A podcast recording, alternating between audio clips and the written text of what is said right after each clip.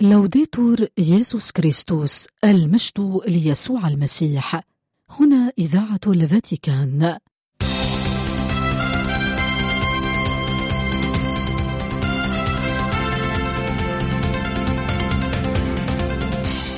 مستمعين الأحباء تحية طيبة من القسم العربي في إذاعة الفاتيكان. ننقل إليكم برنامجنا العربي اليومي حول نشاطات البابا والكرسي الرسولي وأخبار الكنيسة حول العالم. يمكنكم الاستماع إلى برامجنا والاطلاع على آخر الأنباء عبر الإنترنت على الموقع vaticannews.va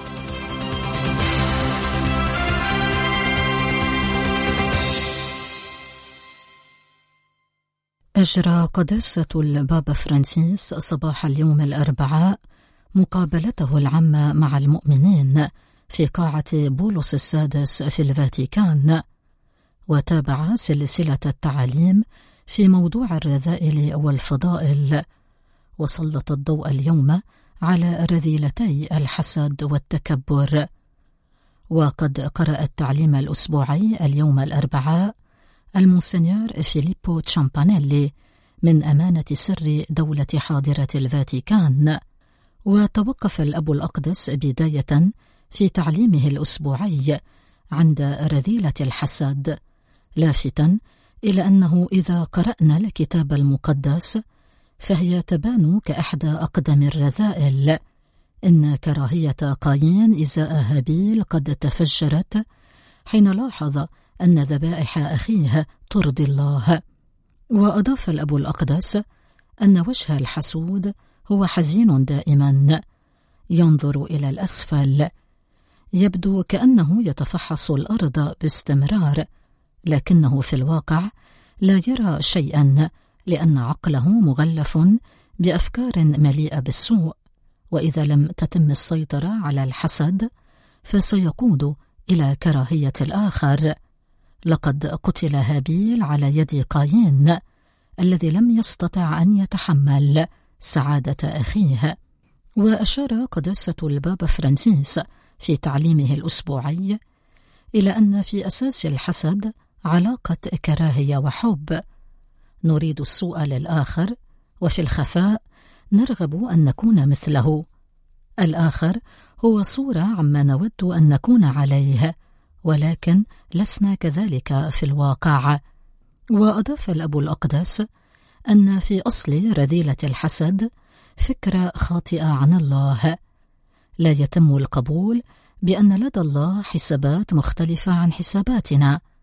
فعلى سبيل المثال في مثل يسوع عن العمل الذين دعاهم سيدهم للذهاب إلى الكرم في ساعات مختلفة من اليوم ظن الأولون أنهم يستحقون أجرا أكبر من الذين وصلوا آخرا. لكن صاحب الكرم أعطى الجميع الأجر نفسه وقال ألا يجوز لي أن أتصرف بمالي كما أشاء؟ أم عينك حسود لأني كريم؟ نريد أن نفرض على الله منطقنا الأناني. أضاف البابا فرانسيس في تعليمه الأسبوعي. غير أن منطق الله هو المحبة. فالخيرات التي يعطينا إياها هي لمقاسمتها. ولهذا يحث القديس بولس المسيحيين قائلا ليود بعضكم بعضا بمحبة أخوية. تنافسوا في إكرام بعضكم لبعض. هذا هو علاج الحسد قال البابا فرانسيس. وتوقف الأب الأقدس من ثم في تعليمه الأسبوعي عند الرذيلة الثانية وهي التكبر وأشار إلى أنها تسير جنبا إلى جنب مع رذيلة الحسد إن هاتين الرذيلتين نجدهما في شخص يطمح في أن يكون مركز العالم حرا في استغلال كل شيء والجميع وأن يكون موضوع كل مديح وكل حب. إن التكبر هو تقدير للذات مبالغ فيه ولا أساس له. إن الشخص المتكبر أضاف البابا فرانسيس ليس لديه تعاطف ولا يدرك أن هناك أشخاصا آخرين غيره في العالم. إن علاقاته هي دائما نفعية ويجب أن يظهر شخصه وأعماله ونجاحاته للجميع. إنه يتسول الاهتمام دائما. وإن لم يتم الاعتراف بصفاته فإنه يغضب بشدة. وأشار البابا فرانسيس في تعليمه الأسبوعي اليوم الأربعاء إلى أنه لشفاء المتكبر لا يقترح المعلمون الروحيون علاجات كثيرة لأن شر الغرور علاجه فيه فالمديح الذي كان الشخص المتكبر يتمنى الحصول عليه في العالم سينقلب عليه سريعا. كم من الأشخاص الذين خدعتهم صورة خاطئة عن أنفسهم سقطوا من ثم في خطايا سرعان ما خجلوا منها.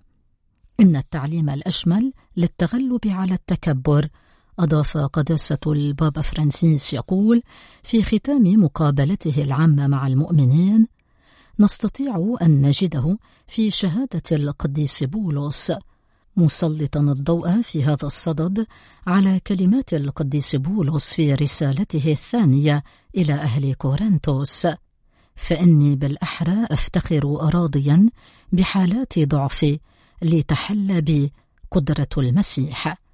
وبعد أن حي المؤمنين الحاضرين في قاعة بولس السادس في الفاتيكان في ختام مقابلته العامة مع المؤمنين صباح اليوم الأربعاء وجه قداسة البابا فرانسيس نداء أشار فيه إلى أنه تصادف في الأول من أذار مارس القادم الذكرى الخامسة والعشرون لدخول حيز التنفيذ الاتفاقية حول حظر الألغام المضادة للأفراد التي لا تزال تصيب المدنيين الأبرياء كما قال الأب الأقداس وخصوصا الأطفال. وذلك أيضا بعد مرور سنوات كثيرة على نهاية الأعمال العدائية. وعبر البابا فرانسيس عن قربه من الضحايا الكثيرين لهذه الألغام التي تذكرنا وكما قال بقساوة الحروب وبالثمن الذي يجبر السكان المدنيون على تحمله. وفي هذا الصدد شكر قداسة البابا فرانسيس جميع الذين يقدمون إسهامهم من أجل مساعدة الضحايا وتطهير المناطق الملوثة. وختم قائلا إن عملهم هو جواب ملموس على الدعوة الشاملة لنكون صانعي سلام ولنعتني بإخوتنا وأخواتنا. استقبل قداسة البابا فرانسيس صباح اليوم الأربعاء في قاعة بولس السادس بالفاتيكان أعضاء سينودس الكنيسة البطريركية الأرمنية الكاثوليكية.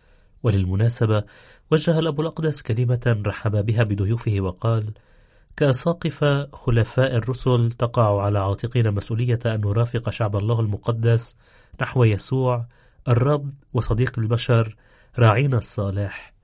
ولهذا السبب التزمنا في يوم سيامتنا الأسقفية بالحفاظ على الإيمان وتعزيز الرجاء ونشر محبة المسيح. تابع البابا فرانسيس يقول أيها الإخوة الأعزاء إن إحدى المسؤوليات الكبرى للسينودوس هي تحديدا أن تعطوا كنيستكم أساقفة المستقبل. أرجوكم أن تختاروهم بعناية لكي يكونوا متفانين مع القطيع وأمناء للعناية الرعوية لا وصوليين ولا ينبغي اختيارهم على أساس استحسان أو أغراض. وعليكم أن تتنبهوا جدا من الأشخاص الذين لديهم ميول تجارية أو الذين يحملون حقيبتهم في أيديهم على الدوام ويتركون الشعب يتيما. إن الأسقف الذي يرى في أبرشيته معبرا نحو أبرشية أكثر هيبة ينسى أنه متزوج من الكنيسة ويخاطر اسمحوا لي بهذا التعبير بارتكاب زنا رعوي ويحدث الأمر نفسه عندما يضيع الوقت في التفاوض على وجهات أو ترقيات جديدة. لا يمكن شراء الأساقفة من السوق بل المسيح هو الذي يختارهم خلفاء لرسله ورعاة لقطيعه.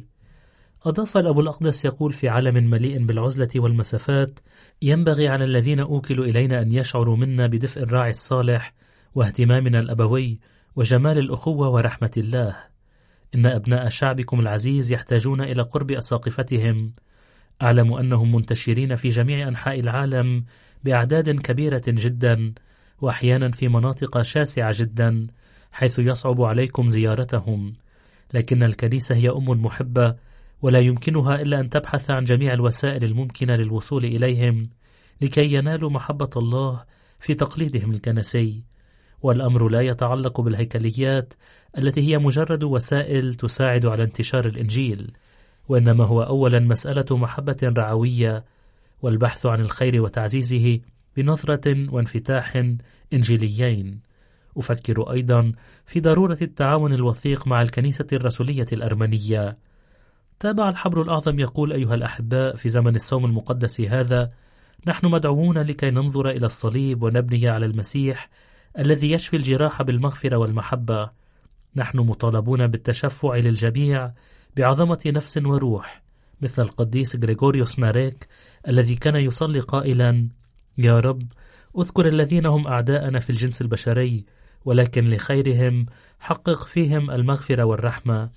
وكذلك كتب بأنية نبوية رائعة لا تبيد الذين يعضونني حولهم اقتلع السلوك الدنيوي الشرير وأصل السلوك الصالح في وفيهم.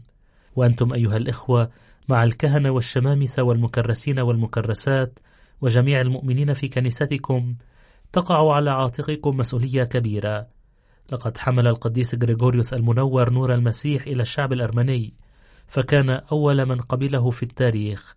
أنتم إذا شهود إذا جاز التعبير أبكار لهذا النور. أنتم فجر مدعو لكي يشع النبوءة المسيحية في عالم غالبا ما يفضل ظلمات الكراهية والانقسام والعنف والانتقام. بالطبع قد تقولون لي إن كنيستنا ليست كبيرة من حيث العدد. ولكن لنتذكر أن الله يحب أن يصنع العظائم مع الصغار. وبهذا المعنى من فضلكم لا تهملوا الاهتمام بالصغار والفقراء وأظهروا لهم مثال حياة إنجيلية بعيدة عن بهاء الغنى وغطرسة السلطة. استقبلوا اللاجئين واعضدوا الذين هم في الشتات كإخوة وأخوات وأبناء وبنات. أضاف الأب الأقدس يقول أود أن أشارككم جانبا آخر أعتبره أولوية. صلوا كثيرا كذلك من أجل الحفاظ على النظام الداخلي الذي يسمح لكم بأن تعملوا بانسجام. وميزوا أولويات الإنجيل تلك العزيزة على الرب. وكما يذكرنا مثل لاتيني قديم حافظ على النظام والنظام سيحفظك. لذلك لتكن سينودوساتكم معدة بشكل جيد ولتدرس فيها المشاكل بعناية ويتم تقييمها بحكمة وليتم تطبيق الحلول دائما وفقط من أجل خير النفوس ويتم التحقق منها بحكمة وتماسك وكفاءة فتضمن الشفافية الكاملة حتى في المجال الاقتصادي كذلك يجب أن تكون القوانين معروفة ومطبقة ليس من أجل الش... ليس من أجل الشكلية وإنما لأنها أدوات كنسية تسمح حتى للذين لا يملكون السلطة بأن يلجأوا إلى الكنيسة بحقوق قانونية كاملة وأن يتجنبوا تعسف الأقوى. تابع الحبر الأعظم يقول أود أن أوكلكم فكرة أخرى تتعلق برعوية الدعوات. في عالم علماني يحتاج الإكلينيكيون والذين يتنشأون على الحياة الرهبانية اليوم أكثر من أي وقت مضى إلى أن يكونوا متجذرين في حياة مسيحية أصيلة بعيدا عن أي علم نفس أميري وكذلك يحتاج الكهنة ولا سيما الشباب إلى قرب الرعاة الذين يعززون الشركة الأخوية بينهم لكي لا ييأسوا إيذاء الصعوبات ويكونون يوما بعد يوم أكثر طاعة لإبداع الروح القدس لكي يخدموا شعب الله بفرح المحبة وليس بقساوة وتكرار البيروقراطيين العقيم. تحلوا بالرجاء في كل شيء حتى وإن كان الحصاد كثيرا والفعل قليلون لنتكل على الرب الذي يصنع العجائب في الذين يثقون به. أضاف الأبو الأقدس يقول يا صاحب الغبطة أيها الإخوة الأعزاء كيف لا يمكننا أخيرا أن نذكر بالكلمات ولا سيما بالصلاة؟ أرمينيا. وبشكل خاص جميع الذين يهربون من ناغورنو كاراباخ والعديد من العائلات النازحة التي تبحث عن ملجأ. حروب كثيرة وآلام كثيرة. كان يجب على الحرب العالمية الأولى أن تكون الأخيرة. وتشكلت الدول في عصبة الأمم باكورة الأمم المتحدة معتقدة أن هذا الأمر سيكون كافيا للحفاظ على عطية السلام. ولكن منذ ذلك الحين كم من الصراعات والمذابح المأساوية وغير المجدية.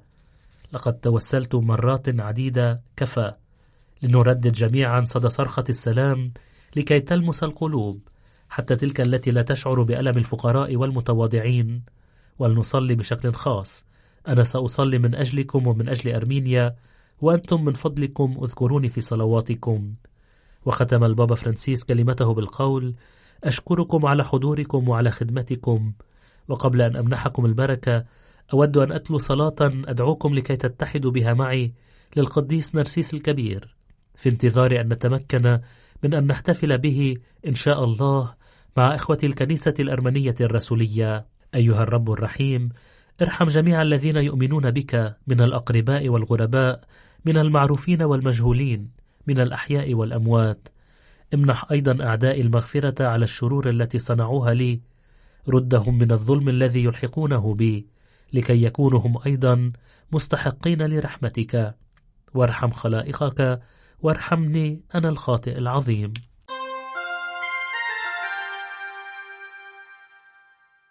تم بعد ظهر اليوم الأربعاء الثامن والعشرين من شباط فبراير في العاصمة الأرجنتينية بوينيس آيرس افتتاح المقر الجديد للجنة الأمريكية لقضاة القانون الاجتماعي والعقيدة الفرنسيسكانية. ولهذه المناسبة وجه قداسة البابا فرانسيس رسالة فيديو بدأها مؤكدا تقاسمه مع المحتفلين الفرح بهذا المقر الجديد. ثم تحدث عن أهمية العدالة في حاضرنا المعقد وأيضا أهمية التمكن من التأمل والتكوين أمام التحديات الجديدة. وتبع الأب الأقدس مشيرا إلى الأهمية الكبيرة لرسالة العاملين في مجال العدالة وأيضا إلى كون السلطة القضائية الملجأ الأخير للدولة من أجل مواجهة انتهاك الحقوق والحفاظ على التوازن المؤسساتي والاجتماعي. ووصل قداسة البابا رسالته متحدثا عن عيشنا الكثير من اللا عدالة حيث هناك قلة من الأغنياء تزداد قوتهم باستمرار مقابل الملايين من الفقراء ضحايا الرفض والإقصاء. وأضاف الأب الأقدس أنه ما من مستقبل ولا تنمية لا عدالة ولا ديمقراطية في عالم يأكل فيه ملايين الأطفال يوميا فقط بقايا ما يستهلك. كما وأشار قداسته إلى عدم احترام الحقوق الاجتماعية مضيفا أن هناك من الثروة ما يكفي لاحترامها إلا أن هناك حاجة إلى قرارات سياسية ملائمة وعقلانية وعادلة قال البابا فرانسيس. وتابع أن الدولة اليوم وأكثر من أي وقت مضى عليها ممارسة دورها المركزي المتمثل في إعادة التوزيع والعدالة الاجتماعية. وفي حديثه إلى القضاة قال البابا فرانسيس إن القواعد قد تم وضعها وهي سارية ولكن تكمن المشكلة في تطبيقها بشكل فعلي. وهنا يبدأ دوركم. وتبع قدسته أن كلمات يسوع والتي تتأسس عليها العقيدة الاجتماعية للكنيسة هي الضرب الأكيد والمنير للإسهام في ممارسة عمل القضاء. وشدد الأب الأقدس هنا على أن جميع من لديهم سلطة عامة عليهم تذكر أن الشرعية الأصلية وحدها لا تكفي فمن الضروري أن يكون التطبيق أيضا شرعيا. وتساءل البابا بالتالي أية عدالة يمكنها أن تكون لديها سلطة في حال ابتعادها عن بناء مجتمعات عادلة وكريمة؟ وهل يمكن أن يكون قاضيا جيدا من يدير وجهه أمام معاناة الآخر؟ ودعا قدسته الجميع إلى أن يطرحوا هذه التساؤلات يوميا حول أنفسهم وحول الآخرين. وفي ختام رسالة الفيديو الموجهة إلى اللجنة الأمريكية لقضاة القانون الاجتماعي والعقيدة الفرنسيسكانية في الأرجنتين لمناسبة افتتاح مقرها الجديد في العاصمة بوينوس آيرس وجه البابا فرانسيس التحية إلى الجميع داعيا إياهم إلى الحزم أمام النماذج غير الإنسانية والعنيفة. وشدد قداسته على كون السلام يبنى يوميا وقال للقضاة إنهم صناع سلام. ثم ختم البابا فرانسيس مؤكدا صلاته من أجل الجميع سائلا إياهم أن يصلوا من أجله. على هامش مشاركته في روما بعد ظهر الثلاثاء السابع والعشرين من شباط فبراير في تسليم جوائز الاقتصاد والمجتمع التي تمنحها مؤسسة السنة المئة الحبرية تحدث أمين سر دولة حاضرة الفاتيكان الكاردينال بيترو بارولين عن الأوضاع المقلقة في العالم. وأعرب في سياق حديثه حول الحرب الدائرة منذ عامين في أوكرانيا عقب الاجتياح الروسي عن المخاوف أمام تصاعد محتمل للتوتر وهو ما حاولنا دائما تفاديه منذ البداية قال نيافته. وقد جاءت كلمات أمين السر إجابة على سؤال حول تصاعد عسكري للنزاع بمشاركة أوروبا وهو ما أشار إليه الرئيس الفرنسي ماكرون أمس وقال الكاردينال بارولين إن هذا الاقتراح ربما يكون ثمرة عدم وجود آفاق حلول لهذا النزاع وذلك لا على الصعيد العسكري ولا الدبلوماسي. ووصل أن الشيء الأمثل هو التوصل إلى طريقة لجعل الطرفين يتحاوران. وأعرب أمين السر عن قناعته بأنه في حال انطلاق حوار سيتم العثور على حل. وتحدث في هذا السياق عن اقتراح حلول مختلفة ولكن الأمر الهام أن تتوفر الرغبة في التوصل إلى حل. أما عن الأوضاع في الشرق الأوسط والنزاع الإسرائيلي الفلسطيني فأكد أمين سر دولة حاضرة الفاتيكان في حديثه إلى الصحفيين تحقيق تقدم في الاتصالات الدبلوماسية مع إسرائيل وشدد على تطلع الكرسي الرسولي إلى أن يكون هناك حوار ووصل الكاردينال بارولين أن هناك حاجة إلى التفكير بهدوء مضيفا أن ما يهم الكرسي الرسولي هو التوصل إلى طرق من أجل إطلاق سراح الرهائن ومن أجل ضمان تقديم مساعدات إنسانية أمام الأوضاع الإنسانية الخطيرة في غزة. وأكد في حديثه أن الطريق الوحيد لبلوغ هذه الأهداف هو وقف إطلاق النار. هذا وكان الكاردينال بيترو بارولين قد تحدث في مداخلته خلال حفل توزيع الجوائز عن الحاجة الضرورية إلى الأخوة وأشار إلى أن وعينا بضعفنا يقود إلى انفتاح على عطية الأخوة وعلى لقاء الله. وتبع أمين سر دولة حاضرة الفاتيكان أن اهتمامنا بالأخوة يجعلنا نجد أنفسنا مجددا ونعيد اكتشاف إنسانيتنا الأكثر أصالة. كما وتحدث الكاردينال بارولين عما وصفها بأخلاقيات الضعف والتي تثمن إحساسنا وشفقتنا وصولا إلى نضج روحي حقيقي يقود إلى استيعاب حتى بؤس النفس بشجاعة وشفقة.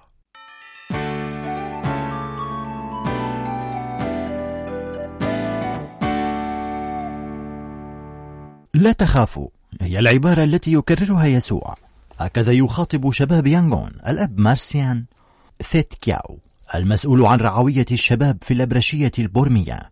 في وقت ينتشر فيه بينهم الخوف والشعور بعدم اليقين. إذ قد قرر المجلس العسكري الذي وصل إلى السلطة بانقلاب شباط فبراير 2021 فرض الخدمة العسكرية كتجنيد إجباري. وأثارت هذه الأخبار قلقا شديدا في المجتمع. لا سيما بين الشباب والشابات. كما أثارت أيضا قلق العائلات حتى الكاثوليكية منها الذين لديهم أبناء وبنات في سن الخدمة العسكرية المحتملة يوضح الكاهن لصحيفة أوسرفاتوري رومانو. هذا وكانت الحكومة العسكرية قد أعلنت في الأيام الأخيرة أنها ستطبق قانونا يدعو لتجنيد الرجال الذين تتراوح أعمارهم بين الثمانية عشر والخمسة وثلاثين عاما والنساء بين الثامنة عشر والسبعة وعشرين عاما لمدة عامين. ووفقا لبيانات عام 2022 من بين سكان بورما البالغ عددهم حوالي 54 مليون نسمة. هناك 2.2 مليون امرأة تتراوح أعمارهم بين العشرين والتسعة وعشرين عاما. بينهم هناك 4.5 مليون رجلا تتراوح أعمارهم بين العشرين والأربع وثلاثين عاما. وفي الصراع المدني القائم في البلاد يواجه الجيش النظامي مقاومة مسلحة واسعة النطاق. وقد تكبد في الأشهر الأخيرة خسائر وهزائم وانسحب من مناطق واسعة خاصة في المحافظات الحدودية حيث تعمل جيوش الأقليات العرقية إلا أنه قد حافظ على سيطرته في المدن الكبيرة. والآن يمكن أن يترجم التجنيد الإجباري مع الأخذ في عين الاعتبار لتفاقم الأزمة الاجتماعية والاقتصادية التي تجتاح العائلات إلى موجة قوية من الهجرة إذ يحاول الآلاف من الشباب في الواقع مغادرة البلاد لتجنب استدعائهم للخدمة العسكرية ولا سيما عن طريق طلب تأشيرة دخول إلى تايلاند أو التوجه نحو الهند والصين. من رعيته رعية القديس أغسطينو في يانغون. يدعو الأب مارسيان ثيت كياو الشباب لكي لا يفقدوا الوضوح والرجاء. في الأيام الأخيرة التقينا بأكثر من 200 شاب من الأبرشية وسجلنا مخاوفهم وقلقهم. كما يقول حيث تنوي بعض العائلات الكاثوليكية إرسال أبنائها إلى الخارج ربما لدورات دراسية في تايلاند. إنهم الشباب الذين يشاركون في اليوم العالمي للشباب واليوم الوطني الذي يتم الاحتفال به على الصعيد المحلي. نحن نشجعهم لكي يتحلوا بالإيمان ويحافظوا على الرجاء حيا لكي لا يتركوا بلدنا بينما يعاني السكان. وأكد أننا نعيش في زمن الصوم هذا زمن التجربة وزمن الانتظار. ونثق في الرب مستخدمين الأسلحة الموجودة تحت تصرف كل مسيحي. الصلاة والصوم والمحبة. وبحسب الكاهن فمن المعقول الاعتقاد بأن العديد من الشباب إذ تم استدعائهم إلى الخدمة العسكرية الإجبارية لن ينضموا إلى الجيش النظامي لأنهم لا يريدون خوض الحرب ولا يريدون أن يحارب ضد شعبهم بل هم يريدون فقط السلام والأخوة والديمقراطية. ولهذا السبب قد يبدو حل الهجرة بمناسبة ثغرة مفيدة للحفاظ على حياة الشباب في انتظار أوقات أفضل. وبشكل عام يجعل عدم الاستقرار من الناحيتين الأمنية والاقتصادية الحياة صعبة بالنسبة لسكان ميانمار مما يؤدي إلى خلق نازحين داخليين الذين يبلغ عددهم 2.5 مليون نسمة أو إلى دفع الناس عبر الحدود. لكننا نرى أن الشباب يواصلون حضور القداس الأحد والاحتفالات الليتورجية لكي يعيشوا هذا الزمن في العبادة والقرب من الله. إن الحياة اليومية مليئة بالمخاطر على الدوام حتى هنا في يانغون. فنحن لا نخرج في المساء يقول كاهن رعية القديس أغسطينوس. لكن النداء فقط هو نداء يسوع لا تخافوا.